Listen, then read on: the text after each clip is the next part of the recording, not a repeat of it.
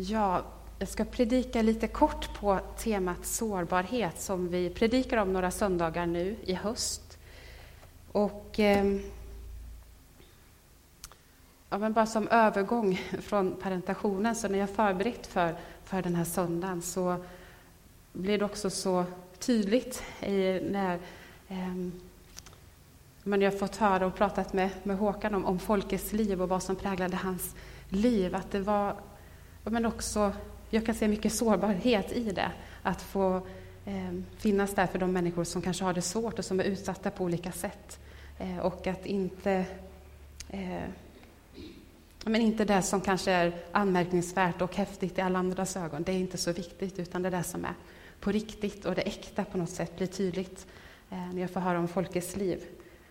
Så jag tycker det känns passande att få predika eh, på det temat idag. Temat är sårbarhet och idag så går vi specifikt in och pratar lite mer om gemenskapen. Eh, för vi är också människor i en gemenskap och vi är sårbara i en gemenskap. Och jag tänker att i den tid som vi lever i nu, där det är väldigt mycket oro och vi ser mycket ondska i världen, så, så kan det bli lätt för oss att vi drar oss undan kanske, att vi kan känna oss rädda och oroade och kanske isolera oss. Ehm, och i världen så ser vi mycket krig och mycket eh, splittring och hat. Och jag tror att vi också vi påverkas av det som vi möter i, i nyheterna, eller vad vi läser om, eller vad vi möter i, i vår vardag. Och då behöver vi alltid, hela tiden regelbundet stanna upp och ta till oss av, av Guds ord och lyssna på Guds ord eh, och låta det få ge riktning åt våra liv. Och Guds ord pekar hela tiden på, på just gemenskap. Och när man pratar om gemenskap så tänker jag också att i vårt samhälle, i vår kultur här, så är vi väldigt individualistiska ofta. Eh, om man jämför med olika kulturer i världen så är eh, svenskarna extremt individualistiska på många sätt. Om man tänker på vad som är idealet för att lyckas i livet eller att eh, vara Eh, en framgångsrik människa så handlar det ofta om att, att klara sig själv, att vara självständig. Att eh, göra sig oberoende av andra på olika sätt. Och i andra delar av världen så är det här en helt galen tanke och det kan vara bra att påminna sig om ibland. Eh, för där så kan identiteten istället vara väldigt starkt kopplad till just gemenskapen och det kollektiva. Till familjen och till gruppen och att lyckas i livet handlar snarare om att leva i goda relationer med andra i gruppen. Så jag tror att vi har lite att lära oss av varandra här också. Vi ska nu få läsa i Första Korinthierbrevet, Paulus ord till korintierna i kapitel 12. Och vi läser från vers 12 och framåt till vers 27. Och det här är ett bibelställe som jag tror många av oss har hört förut, men låt oss stanna upp och ta till oss vad, vad betyder det här egentligen för oss idag? Där Paulus ger en bild av gemenskapen som en kropp. Vi läser från vers 12. Kroppen är en och har många delar, men trots att kroppens alla delar är många utgör de en kropp. Så är det också med Kristus. I en och samma ande är vi alla döpta för att höra till en och samma kropp. Vare sig vi är judar eller greker, slavar eller fria, och vi har alla fått en och samma ande utgjuten över, oss. Kroppen består ju inte av en enda kroppsdel, utan många. Om foten sa ”jag är inte han, så jag hör inte till kroppen”, så hör den ändå till kroppen. Och om örat sa ”jag är inte öga, så jag hör inte till kroppen”, så hör den ändå till kroppen. Om hela kroppen vore öga, var fanns då hörseln? Om allt vore hörsel, var fanns då luktsinnet? Men nu har Gud satt samman delarna i kroppen, var och en av dem som han ville. Om alla vore en enda kroppsdel, vad vore då av kroppen? Men nu är kroppsdelarna många och kroppen ändå en. Ögat kan inte säga till handen, jag behöver det inte. Inte heller huvudet till fötterna, jag behöver er inte. Nej, tvärtom är de delar av kroppen som verkar svagast så mycket mer nödvändiga. Och de delar av kroppen som vi tycker är värda mindre heder klär vi med så mycket större heder. och med dem som vi blygs för skyler vi med så mycket större anständighet, något som våra anständiga delar inte behöver. Men Gud har satt samman kroppen och gett de ringarna delarna större heder, för att det inte ska bli splittring i kroppen, utan att delarna istället ska ha samma omsorg om varandra. Om en kroppsdel lider, så lider alla andra delarna med dem. Och om en kroppsdel blir ärad, gläder sig alla de andra delarna med den. Ni är alltså Kristi kropp och var för sig delar av den.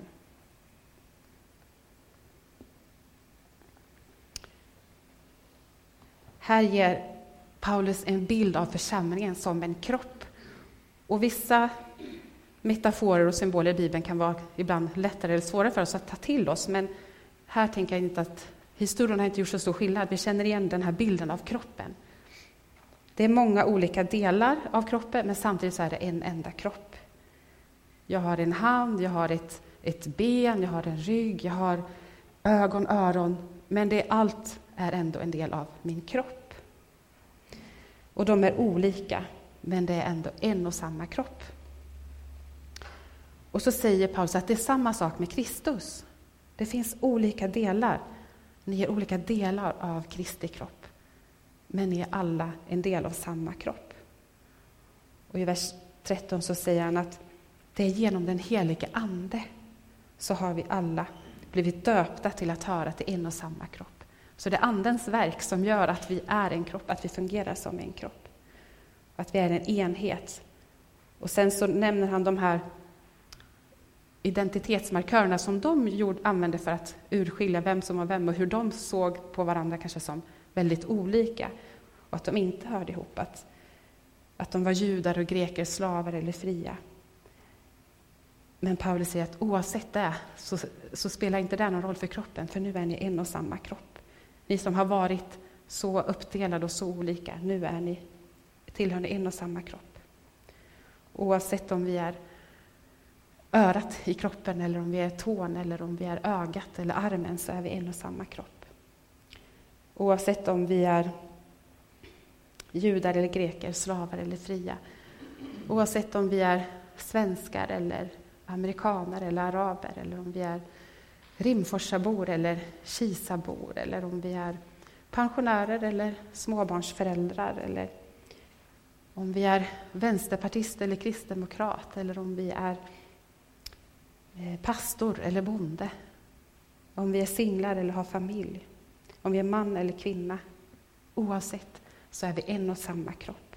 Vi har alla fått en och samma ande utgjuten över oss. Och vi har alla en viktig plats i gemenskapen, i församlingen, i Kristi kropp. Och vi hör ihop, även när vi är olika så är vi, är vi med på precis samma villkor. Det är ingen som har företräde framför någon annan. Och I vers 14 19 här så eh, beskriver Paulus hur de här kroppsdelarna, att de, de är ju olika. Vi är inte alla samma kroppsdel. Och hur skulle det vara om alla var ett öra? Det hade inte varit någon särskilt bra eller vacker kropp. Det hade bara varit en hög med kroppsdelar och något som man skulle förmodligen känna lite avsmak inför. Men tillsammans, när vi är olika och hänger ihop och fungerar som en kropp, så blir det någonting vackert och som fungerar. Och därför kan vi inte säga till varandra att ja, men, du är ju inte som jag, så du hör ju inte till kroppen. Och vi kan inte heller säga om oss själva att ja, men jag är ju inget sånt där fantastiskt öra som du är, jag hör ju inte så bra. Så jag hör nog inte till här riktigt. Nej, för du, du är just den du är. Eh, och det är det som är hela grejen med kroppen, att vi är olika och hör, till, hör ihop. Men det verkar som att de jämför sig med varandra när Paulus skriver här till församlingen i Korint. Eh, och jag tänker att det är inte så konstigt kanske, och det kanske inte är så långt ifrån hur vi är heller, att vi kan också ofta jämföra oss med varandra. Tänka att ja, men jag är ju inte som alla andra riktigt kanske, eller jag är ju inte så bra på att jaga nu när det är jaktsäsong, eller jag, jag tycker inte om att sticka eller jag, eh, jag är ingen friluftsmänniska eller men jag är inte uppvuxen här i Kinda och jag är inte släkt med alla här i församlingen eller jag är inte si och jag är inte så. Så på olika sätt så kan vi liksom eh, sätta oss själva utanför gemenskapen på något sätt, när vi jämför oss med de andra.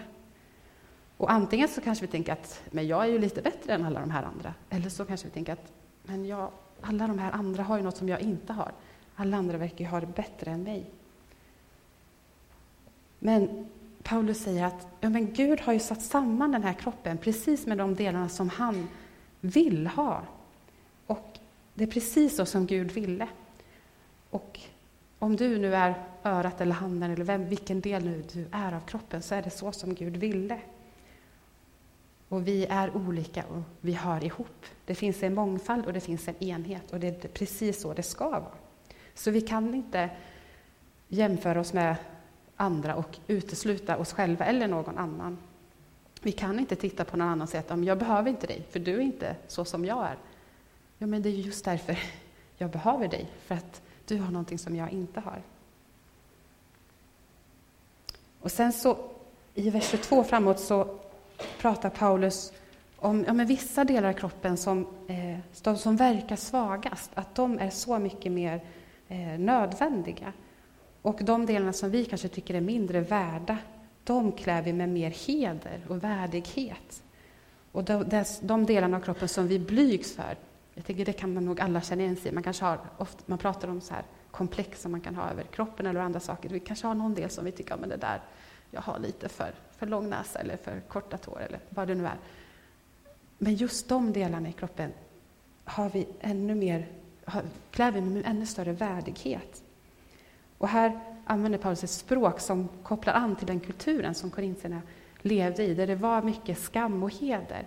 Att där man lyfte upp det som var, kopplades till styrka och status och värdighet. Eh, det och som liksom hade anseende och förtroende i samhället, det lyfte man upp. Men det som var svagt eller bräckligt, det var liksom, det gömde man undan, det ville man inte visa, för det var skamligt. Och han liksom utmanar den här kulturen och visar att det är precis tvärtom i Guds församling. Att det som ni kanske i era mänskliga ögon skulle tycka var skamligt eller eh, att något att skämmas för, något som man inte vill lyfta fram, det lyfter vi fram.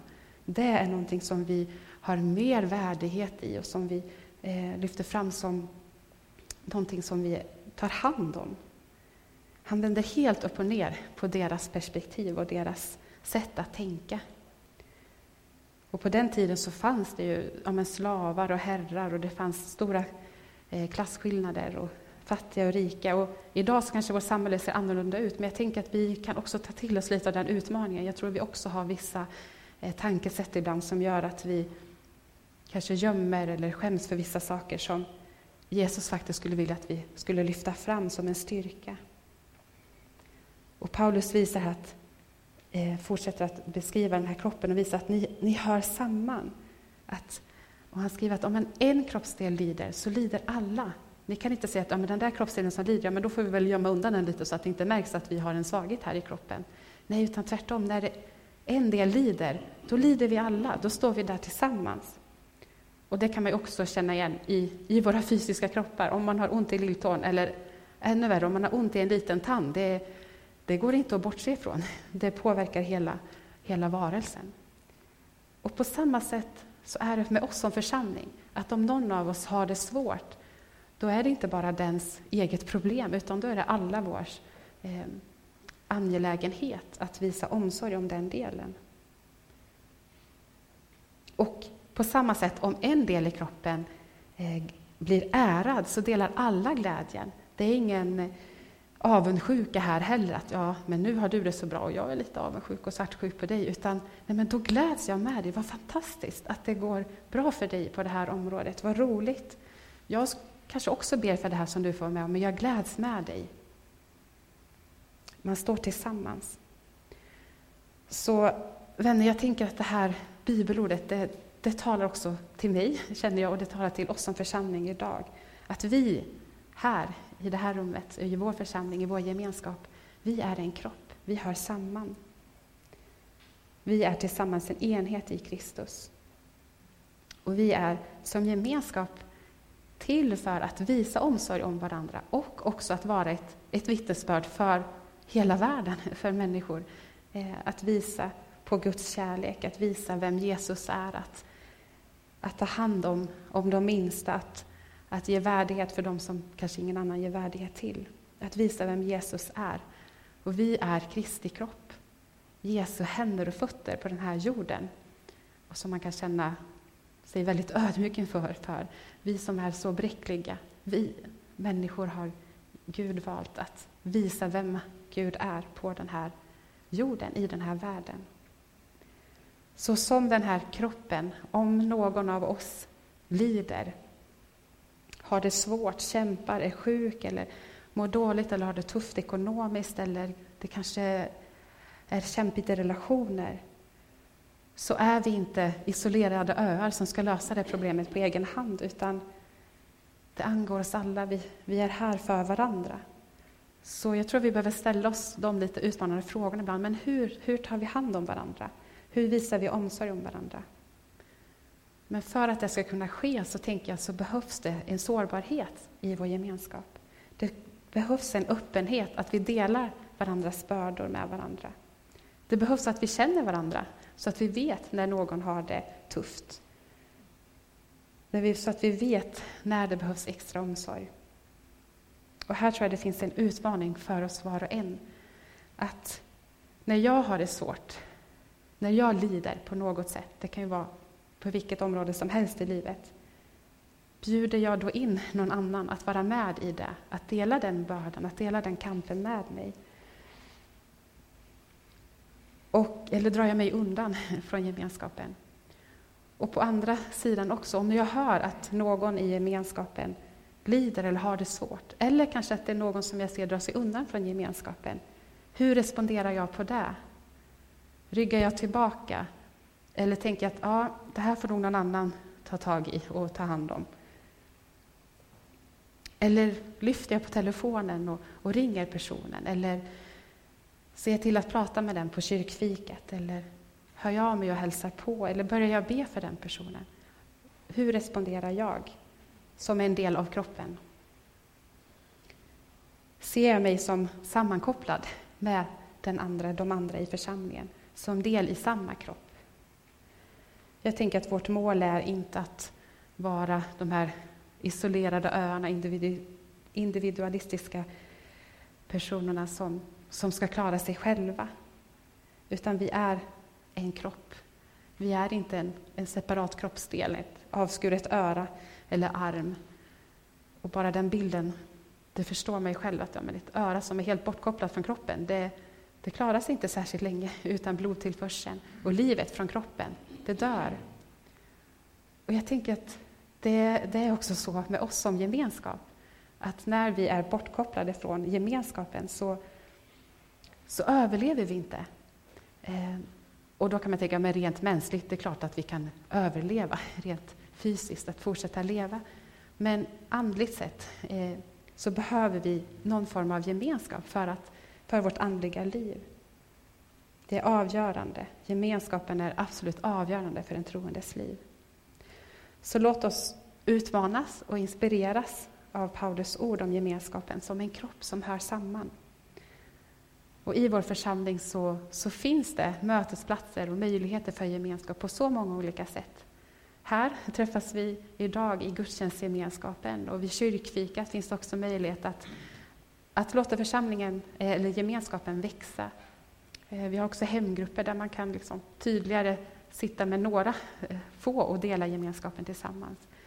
Eller i våra förbönsstunder eller bönekvällar. Eller, vi har många olika verksamheter där man också kan mötas för gemenskap. Vi kan också bjuda hem varandra eller promenera med varandra. Jag tänker att det är bara fantasin som sätter gränser här för hur gemenskapen kan uttryckas. Men att vi har gemenskap är viktigt. Och jag vill också skicka med att när vi pratar om sårbarhet och gemenskap så finns också möjlighet att eh, i församlingen att också få samtala med någon. Ibland kanske man har någonting som man känner, men det här vet jag inte riktigt vem jag ska vända mig till med. Ibland kanske man har något som är lite svårt att prata om eller eh, som jag inte vet, vem kan lyssna på det här?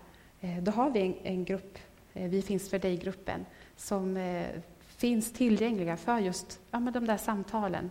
Det kan handla om vad som helst i livet. Men som gruppens namn säger, vi finns för dig. Eh, och det finns en lapp här ute.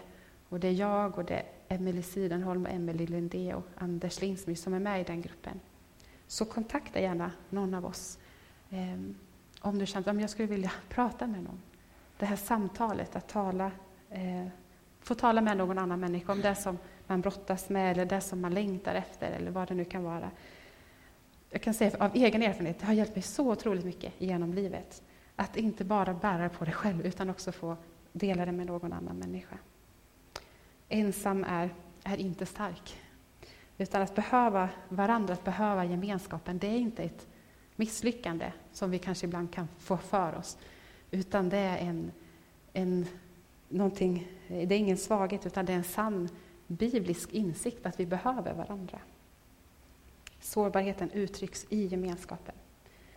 Och eh, jag ska strax avsluta predikan och vi kommer senare ge tillfälle för att få dela med varandra. Så jag vill uppmuntra er till det, att få dela våra bördor, våra glädjeämnen, våra vittnesbörd, att det som händer i våra liv, det som vi upplever tillsammans med Gud, det som vi eh, får till oss, det också tillför hela gemenskapen.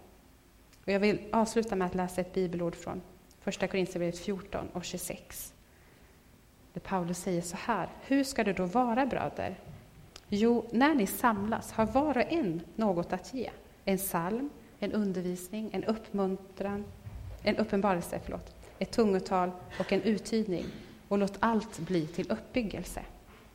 Vi har alla någonting att bidra med och vi behöver varandra. Och jämför det inte med någon annan. För det som just du vill bidra med, det, det kanske är just det som Gud lägger på ditt hjärta för att ta, hela gemenskapen ska få ta del av det. Vi ber tillsammans. Ja, Jesus, jag tackar dig för vår församling. Tack för den här gemenskapen som är Tack för oss som är samlade här just idag, Gud. Tack för att du har ett ord till oss idag, en uppmuntran till oss idag. Tack för att du har skapat oss som inte som isolerade människor som ska klara oss själva. Tack för att du vet att vi är svaga och bräckliga och att vi behöver först och främst dig, Gud, och att vi också behöver varandra. Tack för att du också ger oss varandra som gåvor. Att du verkar i den här världen genom oss, vanliga människor, Gud. Och jag ber för oss var och en. Jag ber särskilt för den som kanske känner sig ensam eller som känner sig inte så delaktig i, i gemenskapen. Att du ska dra oss närmare varandra, Gud. Hjälp oss att se varandra. Ge oss ögon att, eh, att se eh, när vi behöver ta kontakt med varandra. Och hjälp oss att våga vara sårbara och öppna med varandra. Hjälp oss att våga ta det där steget och höra av sig till någon. Stärk vår gemenskap, Gud. Mm. Vi ber för dem i vår gemenskap som, som har det tufft just nu, som som lider på olika sätt, Gud. Kom och med din kraft och med din omsorg och med din kärlek, Gud. Och använd oss. Använd oss för att visa omsorg om varandra, Gud. Tack för att vi också får glädjas med varandra när vi får dela eh, av vad du gör i, i våra liv, Gud. Att, att vi också får dela glädjen tillsammans. Tack för att det också är en del av gemenskapen, Gud. Jag ber för vår för vår gudstjänst här idag, Gud, att du skulle tala till oss var och en. Tack för att du vill använda oss alla för också att välsigna varandra på olika sätt. Vi välkomnar dig helige Ande att göra ditt verk i oss och, och tala till oss idag, Gud. Tack för att du vill möta med oss var och en idag, precis där vi är och vad vi behöver. Tack för att vi inte behöver jämföra oss med någon annan. Att du känner oss var och en. Ber så i Jesu namn. Amen. Vi kommer nu ta en stund där vi fortsätter att vara i bön och eh, i sång. Vi kommer att sjunga tillsammans. Under tiden så finns det möjlighet att använda sig av de här många olika bönestationerna som vi har också under den här veckan. Och jag kan nämna några av dem. Det finns också längst ner på pelaren där en, en lapp där det står beskrivet alla bönestationer. Så om du känner dig lite fundersam, var, var ska jag gå någonstans, så kan du läsa där. Men man kan få tända ljus både här framme och där bak eh, som en symbol för den bönen du ber, att Gud ska komma med sitt ljus in i en situation, att du ska få vara ett ljus för någon annan. Här framme kan man få skriva ner en bön. Om du vill att någon ska läsa den så lägger du den i, i korgen. Och om du vill att det bara ska vara mellan dig och Gud så kan man stoppa den i, i den stängda eh, asken där. Här kan man också be för vår församling. Och ni ser massa händer. Där kan man be för våra barn och ungdomar där de har gjort ett handavtryck och där du kan lägga handen över ett handavtryck och be för den personen. Och vi har också en karta över Rimforsa där vi kan få be för Rimforsa och vårt, vår bygd.